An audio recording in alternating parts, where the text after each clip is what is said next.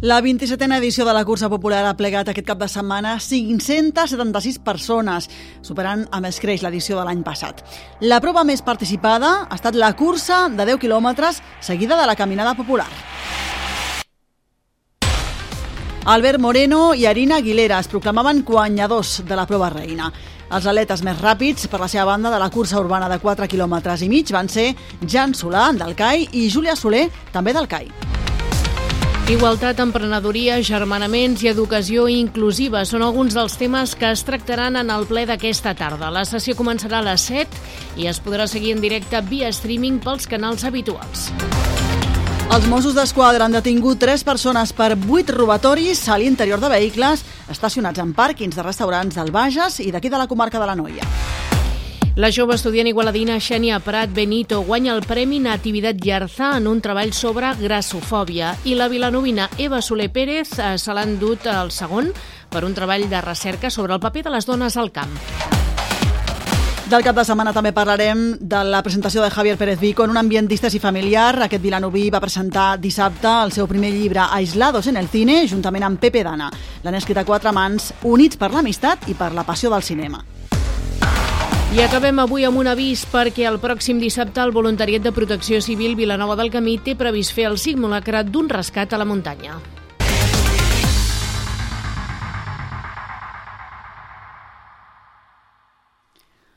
La cursa popular de Vilanova del Camí va batre aquest any un rècord de participació amb 576 participants. Són 151 més que en la darrera edició. La cursa més popular va ser la dels 10 quilòmetres, en la qual van participar 185 atletes. La cursa urbana de 4 quilòmetres i mig va registrar una participació de 126 atletes i en la cursa infantil de 1.000 metres van prendre part 65 nens. Pel que fa a la caminada popular, que enguany celebrava la tercera edició, també va assolir xifres importants, arribant Marissa als 200 caminaires. Doncs sí, i parlem de curses. Albert Moreno de la Hueca Noia Popular va ser el més ràpid de la prova mixta dels 10 quilòmetres amb un temps de 35 amb 15. En segona posició va entrar Javi Paniello, corredor independent que va fer un crono de 36 amb 15 i Jordi Garcia de la C77 que va entrar a la meta només 7 segons després que el segon classificat. Pel que fa a les fèmines, Arina Aguilera va arribar en primera posició, seguida de l'atleta independent Jordina Marçal, que va fer un crono de 46 amb 58, i Assumpta Castelltor del CAI Triatló, que en va fer 51 amb 40. Els més ràpids de la cursa urbana de 4 quilòmetres i mig van ser Jan Solà del CAI, que va completar el circuit en 15.31, i Júlia Soler, també del CAI, que va fer-la en 18.10. La general masculina es va completar amb Bartolomé Serramo, de los Martes, con Dios, que va arribar a meta 6 segons després que el primer classificat, i Gerard Suriol, del CAI, que ho va fer en 15.56. La segona i tercera posició de la general femenina de 4 quilòmetres i mig la va ocupar Laia Alonso, de l'escola esportiva Huecanoia, amb un temps de 19.04, i Marcela Soler, del CAI, amb un crono de 19.24. Els alevins masculins més ràpids en la prova urbana van ser Albert Fernández, de la UEC, Roger Bisbal, independent, Inton Caral, també de l'Escola Esportiva de la UEC Anoia. En categoria femenina, les guanyadores van ser Emma Mitjavila, del Games Kids, Elia Martínez, del Club Sergi Martínez i Maria Rique, de la UEC. En infantil el pòdium va ser per a Joan Martínez, Bernat Rueda, Roc Planes i Edna Soler Biosca, tots quatre de l'escola esportiva Hueca Noia. Pel que fa a la categoria cadet, els més destacats van ser Gerard López de la Hueca Noia, Eric Torres de l'escola esportiva Trail i Mario Molina, independent. En fèmines el pòdium va ser per a Marc Garbín, independent, Mercè Parelló del CAI Triatló i Marc Ferreres del Cornellà Atlètic. Els sèniors més ràpids van ser Nico Pastor, independent, Carlos Cervera de l'Oro di Napoli i Moussa Dardar del Segup. I pel que fa a les fèmines, Cristina Soler i Noelia Aguilar, amb dues atletes independents van fer-se amb les primeres posicions. Aquesta edició va comptar amb, amb molts uh, infantils, uh, 65 concretament, repartits en categoria prebenjamí i benjamí.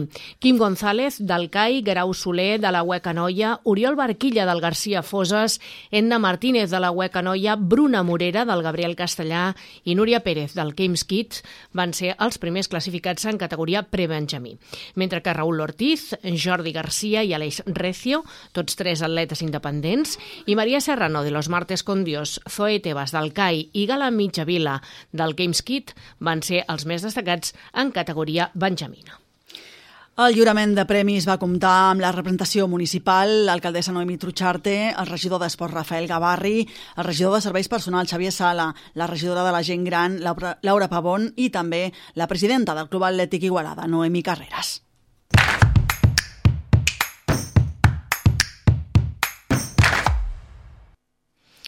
La lectura del manifest del 8M, Dia Internacional de la Dona, obrirà el ple ordinari d'aquesta tarda. La sessió començarà a les 7 i es podrà seguir en directe o bé via streaming a la freqüència de Ràdio Nova o pels canals eh, en línia habituals.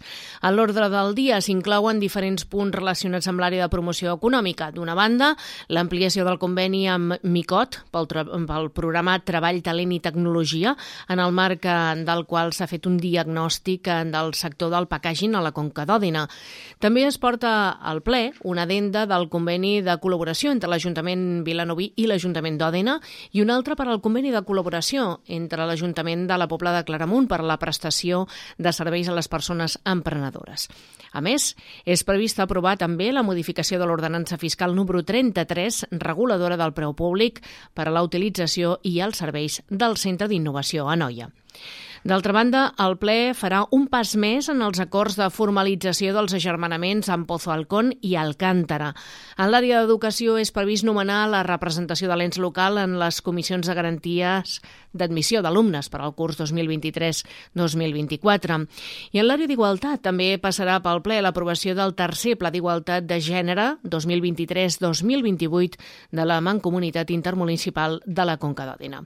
En la part de mocions, els grups presentaran conjuntament el compromís per garantir l'educació inclusiva als centres educatius i, per altra banda, Esquerra Republicana presentarà una moció per limitar l'ús de l'espai públic durant les eleccions, bé siguin municipals, autonòmiques, nacionals o europees.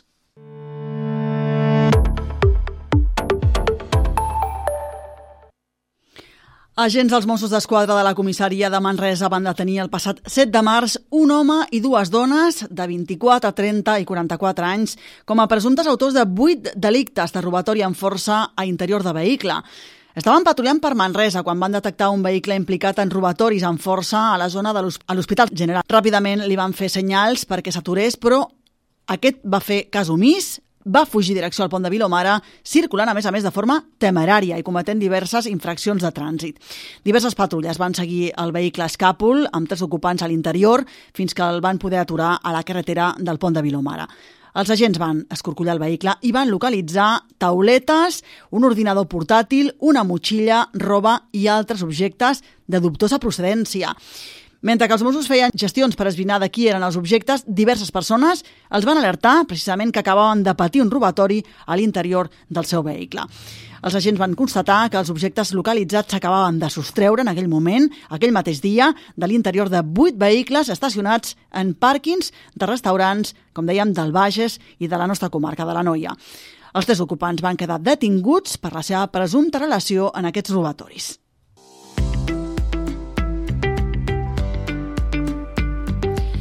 L'alumna de l'Institut Joan Mercader d'Igualada, Xènia Prat Benito, ha resultat guanyadora del Premi Nativitat a Yarza en recerca de gènere, un guardó creat fa 4 anys per la Mancomunitat de la Conca d'Òdena, que té l'objectiu de promoure la investigació en matèria de feminismes i gènere en els treballs de recerca de batxillerat. Xènia Prat s'ha endut el primer premi, valorat en 400 euros, per un treball de recerca titulat Grassofòbia i trastorns de la conducta alimentària. Al centre on estudia, l'Institut Joan Mercader, es va dur un premi de 350 euros que anirà destinat a la Comissió Feminista del centre. El segon guardó, valorat en 250 euros, ha estat per la vilanovina Eva Soler López, alumna de l'Acadèmia Igualada, amb el treball El paper de les dones al camp. Els premis es van entregar el passat dijous, 9 de març, en un acte al Teatre Municipal de l'Ateneu d'Igualada, que va comptar amb les intervencions de la regidora d'Igualtat d'Igualada, Carlota Carné, i de la regidora d'Igualtat de Santa Margarida de Montbui, Coral Vázquez, i va ser presentat per la periodista igualadina Montse Sanou.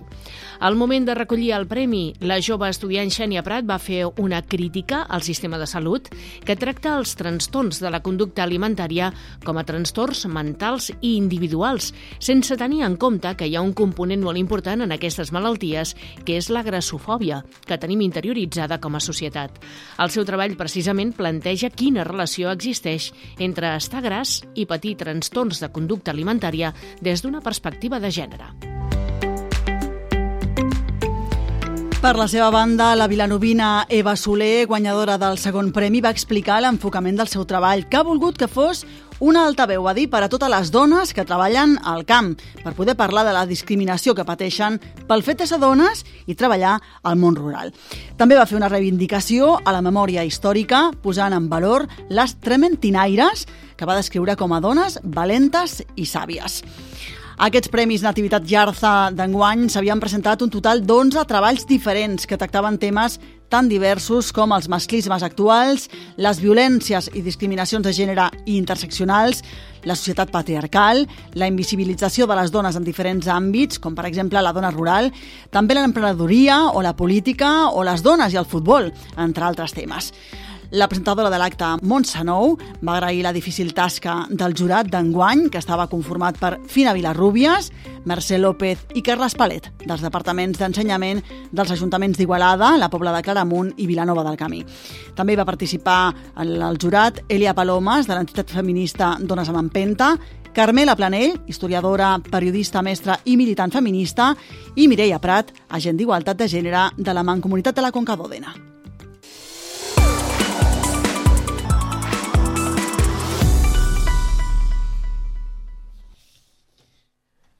En un ambient distès i familiar, el vilanoví Javier Pérez Vico va presentar aquest dissabte el seu primer llibre, Aislados en el cine, juntament amb Pepe Dana. L'han escrit a quatre mans i després de moltes hores de conversa i experiència de vida compartides, units per l'amistat i la passió pel cinema. Dissabte a la tarda compartien el naixement d'aquesta primera obra conjunta que de segur portarà cua perquè han estat molts els temes que s'han quedat al tinter. De fet, ja han avançat que hi haurà, si més un segon llibre. En aquesta primera obra, ja estada en temps de pandèmia i en un moment d'angoixa generalitzada, els autors han indagat en una vintena de pel·lícules de diferents èpoques i gèneres que aborden temes paral·lels. L'han concebut com una guia per explorar l'ésser humà des de la nostàlgia i l'amor pel cinema. La soledat, la religió, l'exclusió social i la malaltia són les quatre classificacions temàtiques que han fet servir en aquesta primera obra plena de referències personals i experiències pròpies. El text s'acompanya també d'imatges, cartells i il·lustracions de cada una de les cintes. El resultat, com afirmen els autors, és un llibre que vol convidar a aprofundir en les pel·lícules analitzades, títols tan diferents com Carrie, Bailando con Lobos, Candilejas, Psicosis o El hombre elefante. A l'acte de dissabte els autors van estar acompanyats de persones referents en la promoció del cinema a la noia, com Jordi Comelles, codirector del Zoom Festival, o Ricard Fuster, un dels promotors del Cineclub Igualada. També va assistir la regidora de Cultura, Carlota Silva, i els regidors Rafa Gavarri i Jordi Barón. A més a més, van comptar també amb l'acompanyament del regidor de Cultura d'Igualada, Pere Camps. L'acte va acabar amb un refrigeri servit per Manuel Gallardo. El llibre l'ha publicat Terrengnota Ediciones. Eh, pel pròleg del llibre han comptat amb la col·laboració de Francisco Javier Millán, escriptor i autor expert en matèria cinematogràfica. També hi ha participat Gemma Luque, diplomada en comunicació audiovisual i en antropologia, que ha fet la introducció general aportant una visió antropològica sobre els temes proposats.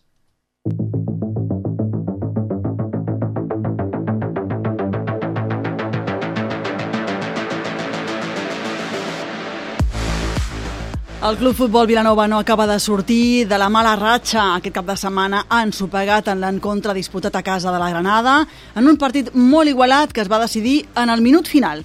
El Club Futbol Vilanova no es va trobar còmode, sobretot en la part ofensiva i més cap davantera, on l'equip acostuma a tenir més alternatives. Com reconeix l'entrenador Roman Carrillo, va ser un partit espès i el Vilanova no estava prou connectat ni encertat. Ens va costar molt connectar amb els jugadors capdavanters i quan ho van fer aquests tampoc van estar acertats i el guió del partit és, és així eh, un Vilanova del Camí que quan ho intentava no estava fi eh, quan tenia alguna ocasió de gol doncs no acabava de, de rematar-la bé o el seu porter aconseguia desbaratar-la. I una Granada bueno, molt sòlida, eh, molt intensa, que aprofitava les contres i els espais que nosaltres generàvem a l'atacar per, per intentar fer-nos mal. L'equip no estava fi i no podia arribar a rematar les jugades amb gol davant d'un conjunt local que es mostrava molt sòlid i intens. El partit, però, va estar força igualat en tot moment, fins que en l'última jugada i en una falta lateral arribava el gol dels locals i la derrota per al Club Futbol Vilanova, que, com assenyala Carrillo, no reflecteix l'equilibri de forces al llarg del partit. En l'última jugada del partit, eh, exactament l'última, una falta lateral eh, doncs agràvia eh, aquest partit després amb una derrota per mi no merescuda perquè crec que és un partit eh, d'empat però el futbol és així i en aquesta última falta la pengen entre un tio sol, una falta mal defensada i, i bueno, ens fan l'1-0 i l'àrbit pita al final. El Vilanova continua líder a només 3 punts del Sitges, segon classificat. La pròxima jornada s'enfrontaran a la Múnia. Carrillo confia que l'equip comenci a recuperar-se de la mala ratxa amb treball, això sí, i entrega. Seguim treballant, això és molt llarg, això és molt difícil, ja ho vam dir, i, i l'única manera de sortir d'aquesta mala ratxa i, i continuar i tornar a ser el líder i l'equip eh, alegre que érem és treballar més i millor. Per la seva banda, el Club Esportiu Anoia ha empatat aquesta setmana a dos contra les Cabanyes. Els anoiencs continuen en la part del mig de la taula, exactament en novena posició. La pròxima jornada rebran el Montserrat Igualada.